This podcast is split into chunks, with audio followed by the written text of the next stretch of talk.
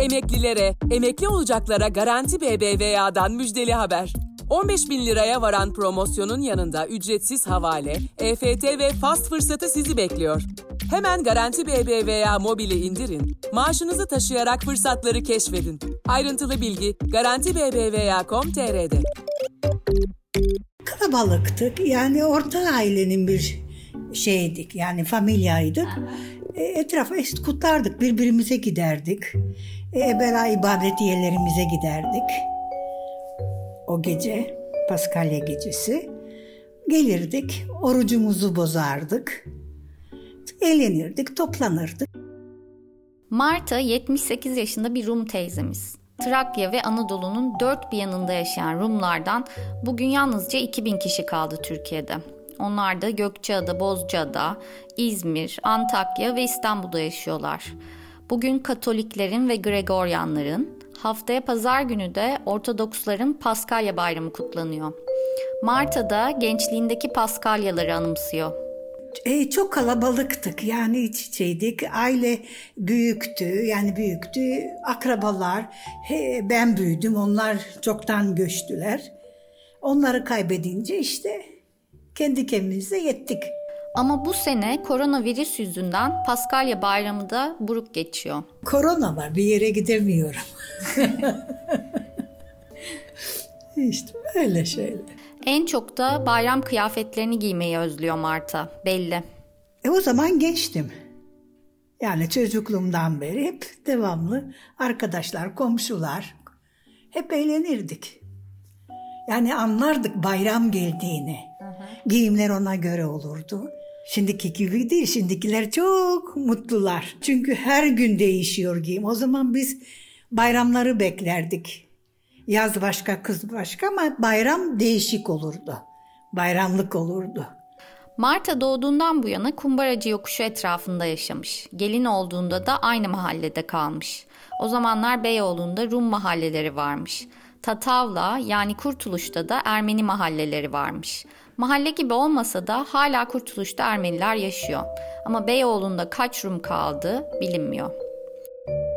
Mahalle nasıl değişti o zamandan bugüne? Aa, çok. Burada öyle arabalar cadde değildi ki burası. Hatta bu ara merdiven vardı bu ara kumbaracıya inen yol. Çok güzel. Akşamüstleri kapı önünde çıkılırdı. Kilimler konulurdu. Çekirdekler çıtlatırdı kapının önünde toplanırlardı. O kadar kalabalık yoktu. Vardı ama yani geçiş çok yoktu. Arabalar yoktu. Cadde değildi buralar. Güzeldi. Güzeldi. Hep şimdi her şey değişti. Hep her şey değişti. Haber podcastle buluştu. Kısa Dalga yayında. Bizi Kısa Dalga Net ve podcast platformlarından dinleyebilirsiniz. Çörekler örülmüş, sakız kokusu dört bir yanı sarmış, yumurtalar boyanmış. İstanbul'daki Hristiyan nüfus giderek azalsa da yüzde bire bile tekabül etmese de kalanların Paskalya coşkusu devam ediyor. İstanbul'da Paskalya bir başka tabi. Çöreğiyle, ruhuyla, yüzyılların gelenekleriyle çok başka. Yeme içme uzmanı ve yazar Levon Bağış aynı zamanda bir Ermeni de olduğundan Paskalya bayramını çocukluktan beri kutluyor. Onun için bayramların asıl anlamı pişirilen yemekler ve kurulan sofralar. Bütün bayramlar benim için tarihsel şeyler. Yani bir e, işin sonunda gidip dönüp dolaşıp e, gırtlağa ulaşmasını seviyorum ben. Paskalya dediği zaman benim aklıma işte bayramlar, seyranlardan ziyade böyle hemen aklıma çörek geliyor. Ama Paskalya çöreği şehirden şehire değişiyor. İstanbullular sakızlısını, Diyarbakırlılar tuzlusunu seviyor. Paskalya'da yapılan çörek e, aslında tamamen İstanbul usulü bir çörek. Bu İstanbul usulü de şu demek, e, İstanbul'da yaşayan e, Rumların usulünde yapılan bir çörek. Mesela Diyarbakır'da yapılan bayram çöreği e, hala Diyarbakır'da bazı fırınlarda e, az da olsa bulunabilecek bir çörek. Gayet tuzlu bir şey yani hiç öyle e, bol baharatlı ve şekerli bir şey değil. E, bu yüzden e, çok da fazla bu çöreği tamamen bir Hristiyan adeti gibi görmemek lazım. Bir, bir lokal İstanbul adeti gibi bakmak lazım. Levon Bağış da çöreğini babasından öğrendiği usulle yemeye bayılıyor. E, çörek, süt ve e, güzel böyle biberli bir eski kaşarla şahane oluyor. E, benim tercih ettiğim tek yeme sistemi o ya da işte tek başına bir kahvenin yanında da çok keyiflenir ama benim için böyle kahvaltıda o sabah kalkıp e, bir eski kaşar, biraz süt, e, soğuk süt ve yanında paskalya çöreği benim hayatta en sevdiğim kahvaltı olabilir. Paskalya çöreği dendi mi aslında akla ilk gelen Üstün Palmiye Pastanesi.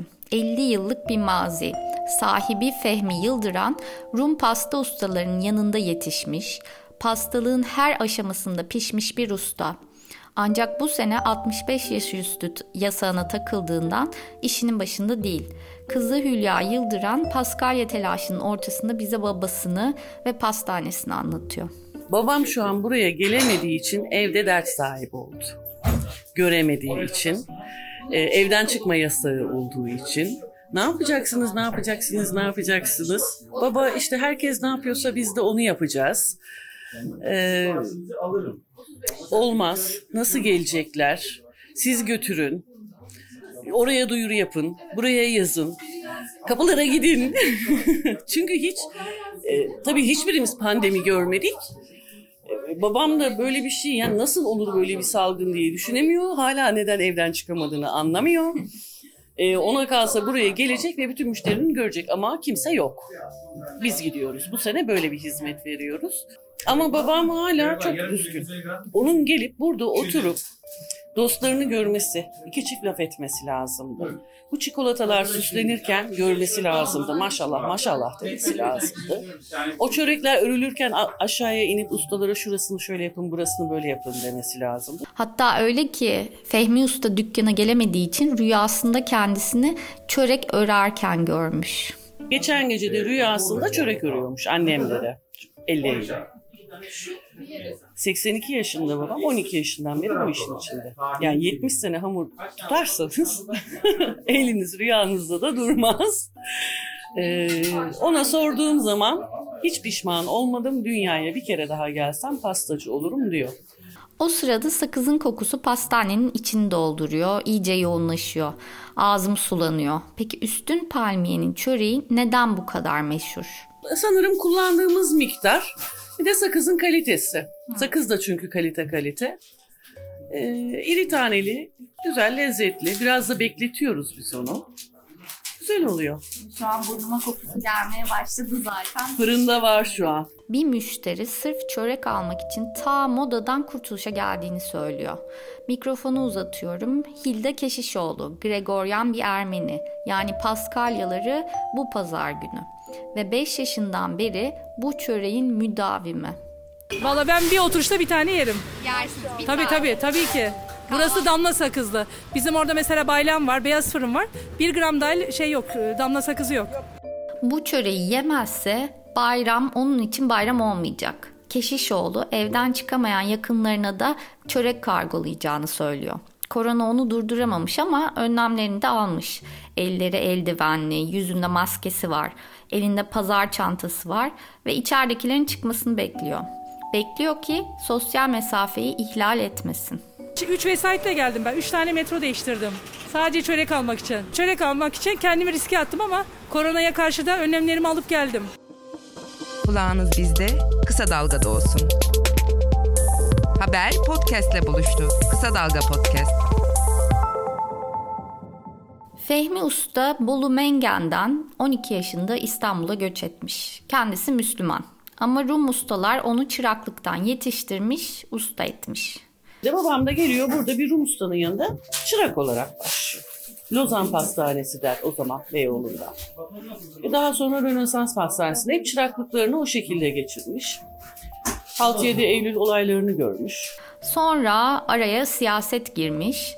Rum ustalar gidince işi Fehmi Usta devralmak zorunda kalmış. 64 yılında da Kıbrıs olaylarından sonra buradan bir kere daha Rumlar gönderilince babamın arkadaşının imalathanesi varmış Yorgu amcamız. O mecburen sınır dışı ediliyor 64'te Yunan tebalı olduğu için ve babama diyor ki sen al benim imalatımı. Babam da diyor ki ödeyemem. Baba, Euroorgo'da diyor olunca ödersin. Bu şekilde babam onun imalatını devralıyor. Yonga amca şey ölene kadar görüştüler. Her sene gelirdi. Ama çoğu babamın arkadaşı Atina'da, Selanik'ti. Yani oralara gittiler. En son Tarlabaşı Bulvarı yapılırken evler yıkılınca mecburen yine gittiler. Babam şu an kendini tabii çok yalnız hissediyor. Çok kimsesiz hissediyor. Fehmi Usta arkadaşları gittiğinde çok üzülmüş. Neler hissettiğini şöyle anlatıyor. Yunan tabağalar 1900 64-65'te zararlı faaliyetten kimilerini kovdular. Kimileri işte şeyini pasaportlarını kaldırdılar. Yunanistan'a mecburi gitmek. Zararları yoktu. Zararlı faaliyetten dışarı pasaportlarını uzatmadılar. Gittiler. En çok da ona imalathanesini bırakan dostu ve ustası Yorgo gidince üzülmüş. Yorgu gidince çok üzüldüm. Yani otobüse bindirirken ağladım. Daha sonra tabii Yunanistan'dan gelen giden olmadı. Onlara yasak koydular Türkiye'ye gelmelerine. Daha sonra yasak kalktı. Üç dört defa geldi gitti arkadaşım yolu. Benim çok arkadaşım vardı Yunanlı. Avustralya'ya gittiler, Fransa'ya gittiler, Yunanistan'a gittiler. Beyoğlu eskiden aşağı yukarı yüzde seksen Hristiyandı. Ermenisi, Yahudisi, Rumu hepsi vardı. Beyoğlu eskisi gibi olmadı tabii. Eskiden Beyoğlu'na kravatımızı bağlar öyle çıkardık. Şimdi şimdi malum sizler de görüyorsunuz nasıl çıkıyorlar Beyoğlu'na. O güzellik kalmadı Beyoğlu'nda.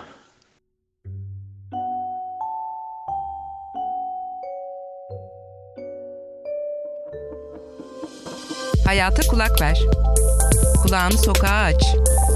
Haberi duy. Haber podcastle buluştu. Kısa Dalga Podcast.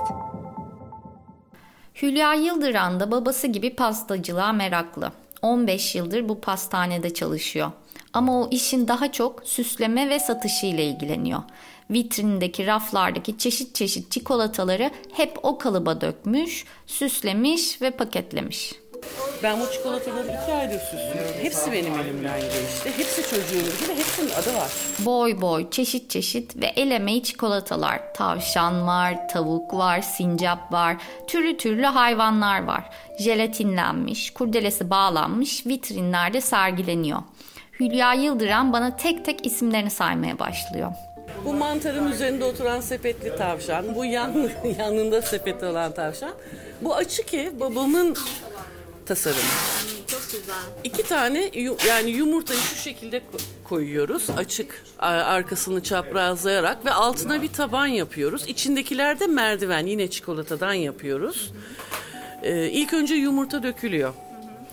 Daha sonra bütün tabii tavşanların yumurtaların dökülmesi bittikten sonra Ne kadar sürüyor yumurta dökümü? bir buçuk ay falan sürüyor. Yılbaşından sonra başlıyoruz biz. Ama bu sene korona Paskalya'nın tüm coşkusunu söndürmüş. Paskalya'ya tam 15 gün kala pazar günü, pazar günü akşam çikolataları çıkarmaya başlarım. Hiç değişmedi 15 senedir. Ama bu sene çok coşkulu süslememe rağmen, kolileri çok güzel yapmama rağmen yerleştirirken ağlayarak yerleştirdim. Çünkü sokağa çıkma yasağı yarı yarıya da olsa başlamıştı. Yeme içme uzmanı ve yazar Levon Bağış aslında baharın gelişinin kutlandığını söylüyor. Paskalya'nın kutlandığı tarih aslında gerçekten de bir dirilişin, yeniden doğuşun tam zamanı. Nedir bu tam zaman? Ee, işte bildiğin e, bahar geliyor. Yani aslında doğa uyanıyor. Yeniden bir uyanış var burada. Hristiyanlıkta ise Paskalya İsa Mesih'in çarmıha götürüldüğü süreci çarmıha gerilmesini ve 3 gün sonra ölümden geri dirilmesini simgeliyor. O yüzden Paskalya öncesinde 40 gün süren bir oruç dönemi var. Var bu oruç aslında 40 gün boyunca hayvansal ürünlerden vazgeçmeyi gerektiriyor. Ee, yani aslında e, bir nevi bir 40 gün ya da 7 hafta boyunca bir e, veganlık zamanına giriyor insanlar. Oruç dönemine girmeden önce genellikle karnavallar düzenleniyor. Çünkü oruç sürecinde insanların yalnızca belli gıdalardan değil, dünyevi zevklerden de uzak durması bekleniyor. Bu oruç dönemi önemli. Zaten bu bilinen e, işte Rio Karnavalı, e, Venedik Karnavalı, buna benzer bütün karnavallar, Avrupa'daki bu karnavallar aslında bu oruç dönemi başlamadan önceki son gün yapılan kutlamalardır. Hatta karnaval yani karne e, ete vedadan da geliyor. Et yememe zamanını anlatıyor biraz. Bu et yememe zamanı geldiği zaman ete veda ediyoruz. Daha doğrusu hayvansal ürünlere veda ediyoruz. E son bir defa hayatın keyfini alalım diye. Bir zamanlar aslında İstanbul'da da şaşalı bir karnaval düzenlenirmiş oruç öncesi. Tatava Karnavalı. Meyhane ve birahanelerde sabahlanırmış. Etsiz mezeler tüketilirmiş. Pera Caddesi'nde toplanan maskaralar bugünkü Kalyoncu Kulluk Sokak'tan Dolapdere'ye inerler, oradan Tatavla'ya çıkarlarmış.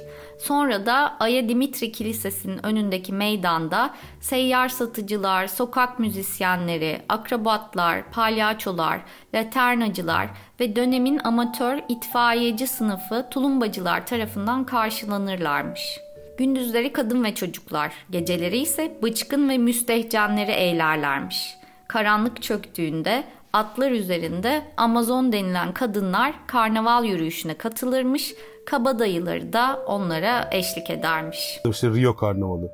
E, bu karnavalın e, çok şaşalı bir versiyonu 1940'lara kadar İstanbul Tatavla'da yapılıyordu. Yani Tatavla'da Kurtuluş'ta e, eski yazarların İstanbul'u yazmayı seven bütün yazarların hikayelerinde bolca okunan bir e, müthiş eğlence e, durumundan bahsediliyor. E, o artık kutlanmıyor. Yani yıllarca bu Paskalya öncesinde yapılan bu işte e, Ermenilerin Paragentan dedikleri, Rumların Baklioran dedikleri bu toplantılar, e, bu eğlenceler e, hep gidip şeyde yapılmış. Kapalı kapılarda, derneklerde, işte o, otel balo salonlarında falan işte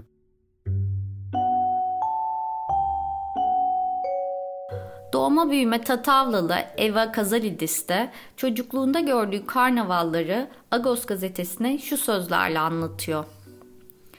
Hilton'da balolar olurdu. Fakirlere yardım için para toplanırdı. Katılım da çok olurdu. Herkes çok şık giyinirdi o balolarda. Oruçtan önceki gün de balo olurdu. Gider sabaha kadar eğlenirdik. O gün bir sürü şey yenirdi. Ama o sofraların olmazsa olmazı favaydı. Fava şart. Yer, içer, eğlenirdik. Ertesi gün oruca başlardık. Çok güzel günlerdi. Haber podcastle buluştu. Kısa Dalga Podcast. Twitter adresimiz @kısadalgamedya.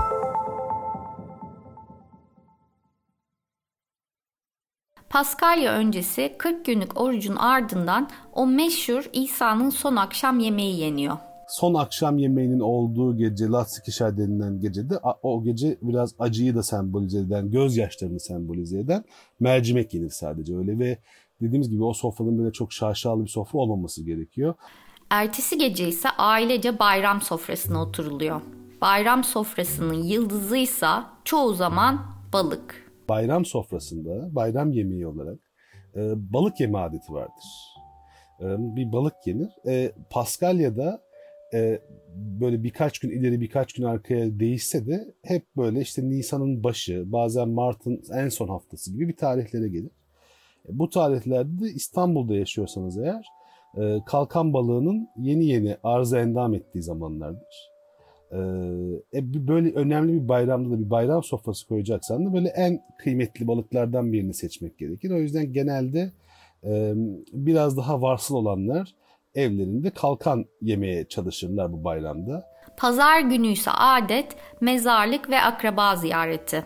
Haliyle çöreğe ve liköre doyuluyor. Esas hikaye yani yeme içmenin çok fazla olduğu zaman pazar günü. Yani o pazar günü hem mezarlık ziyareti, mezarlık ziyaretlerinden sonra da akraba ziyaretleri başlıyor. E, gittiğin her evde tabii ki mutlaka bir paskalya çöreği, e, mutlaka bir e, likör, bir e, bayram pazarı eğer fazlaca ev gezdiysen o e, likör ve e, çörek e, tüketildiği bir zamanı işaret eder aslında. Levon Bağış için Paskalya çöreğinin kokusunda mutluluk var. Korona yüzünden dışarı çıkamasalar da ailecek evdeki hazırlıklarını tamamlamışlar. Paskalya çöreğinin başka bir anlamı da var. En azından İstanbul usulü paskalya çöreği böyle piştiği zaman ve sabah bir uyanırsın böyle bütün evi e, sakız, mahlep ve hamur kokusu e, kaplamıştır. O kokunun böyle gerçekten insana huzur veren bir şey olduğunu düşünüyorum ben. E, o yüzden biz kendi açımızdan işte evimizde çöreğimizi e, pişirdik, yumurtlarımızı boyadık. E, pazar gününde bekliyoruz, evimizde oturarak geçireceğiz. Evet, Paskalya bayramı eskisi gibi değil. Aslında hiçbir şey eskisi gibi değil. Levon Bağış'a göre değişen bayramlar ve insanlardan ziyade azınlıkların ve azınlık hissedenlerin durumu. E, aslında değişen şey bayramlar ya da insanlar değil, bizim durumlarımız değişiyor. E, belki de biz burada yaşayanların çok alışık olduğu bazı zorluklar artık çok üzerinde konuşulmayacak şeyler haline geldiği için çok da fazla değiştiğini söylemem açıkçası. Zaten e, Türkiye'deki azınlıklar giderek daha az görünür olmayı tercih ettikleri için bu tercih bilinçli bir tercih değil zaten kendilerine dayatılan bu. E, çok da fazla e, yani o kadar aslında e, bir sıfır noktasında ki daha da aşağıya pek gidemiyor yıllardır. Daha 100 yıl öncesinde Trakya ve Anadolu'nun dört bir köşesinde yaşayan Rumların, Ermenilerin, Süryanilerin, Keldanilerin ve Yahudilerin bu kadar kolay hafızalardan silinmesi, 3-5 mahallede yaşayan küçük topluluklar gibi görülmeleri de çoğunu yaralıyor. Van'da Yahudi mi varmış? Efendime söyleyeyim Hakkari'de Süryani mi varmış? E, gibi sorular birçok insanı gerçekten canını acıtan şeyler. Böyle çok basit sorular aslında bunu yaşamış olanlar için korkunç hikayeler. E, bu sadece bir e, azınlık problemi değil. Belki de Türkiye'nin bugün sahip olduğu hala sırtında taşıdığı pek çok kamburun çıkış mevzusu da bu. E, aynı şey, e, aynı kambur e, azınlıkların üzerinde de yaşıyor. Yani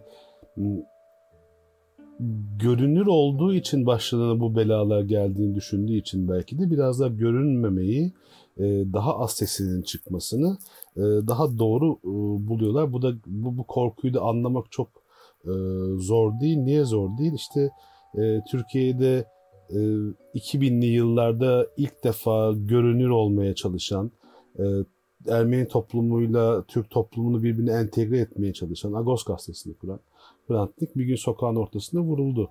O zaman Heybeliada'da doğma, Yunanistan'da büyüme yazar Petros Markaris'in asıl adıyla Bedros Markarya'nın eskiden çok eskiden kitap serisinden bir alıntıyla bitirelim. Eskiden rakıyı da aynı şekilde içerlerdi. Viski içer gibi buzla değil.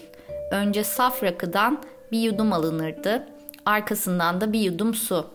Eskiden İstanbullu Rumlar da Türkler de aynı şekilde önce özgün tadı alırlardı. Bizi Kısa Dalga Net ve podcast platformlarından dinleyebilirsiniz.